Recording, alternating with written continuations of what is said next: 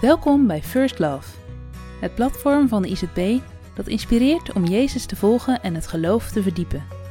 Vanuit de Bijbel delen christelijke schrijvers vanuit verschillende expertises een inzicht over thema's die iedereen raken. Deze bijdrage gaat over geduld en is geschreven door Adrien Verbree.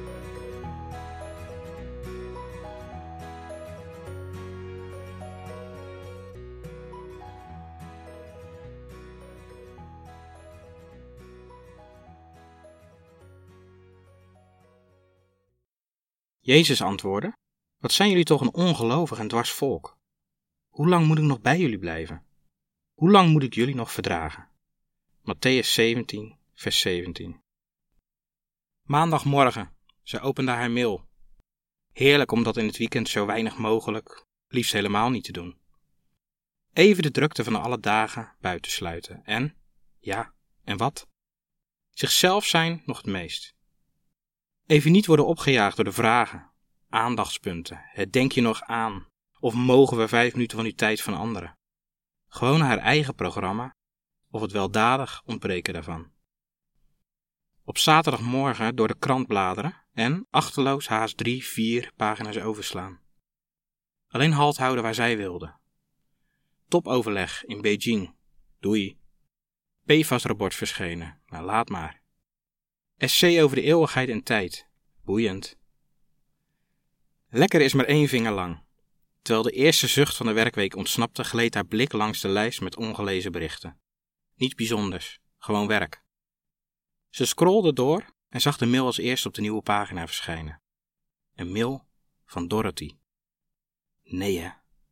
Haar vinger aarzelde boven de entertoets. Ze drukte, haar ogen vlogen over de regels.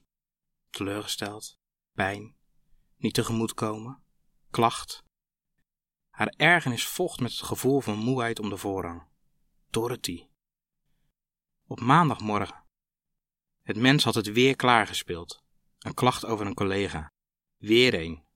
Het werd steeds erger. Nu produceerde ze dus zelfs in dit weekend haar kritiek. Als een kip die niet kan stoppen met leggen. De ergernis won het van de moeheid. Het was klaar, over en uit. Dorothy kon de boom in. Ze zocht het maar uit. Zodra ze haar gezicht op de werkvloer liet zien, zou ze haar ongezouten vertellen hoe ze over haar dacht. Hoe iedereen hier over haar dacht. Nee, ze hadden de jongen niet kunnen genezen. Zijn eigen jongens. Even sloot hij zijn ogen en zuchtte. Zijn geduld opnieuw op de proef gesteld. Dagelijks toonde hij hun de weg, maar ze tastten als blinden in het niets. Het volk, zijn leerlingen, ze begreep niet dat alleen geloof geneest. Niks magie, niks formule, gewoon geloof. Was het dan zo moeilijk? Waarom waren ze zo hardleers? Er zat geen vooruitgang in.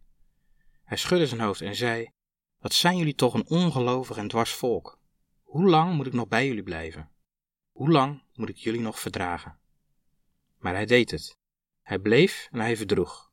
Tot vandaag toe. Hij wel. Kom er eens om.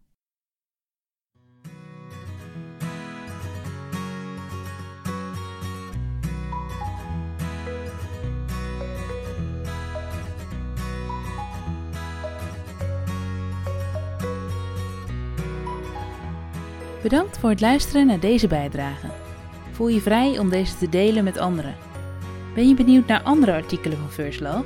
Kijk dan op www.firstlove.nl of download de ICP Connect app voor nog meer inhoud.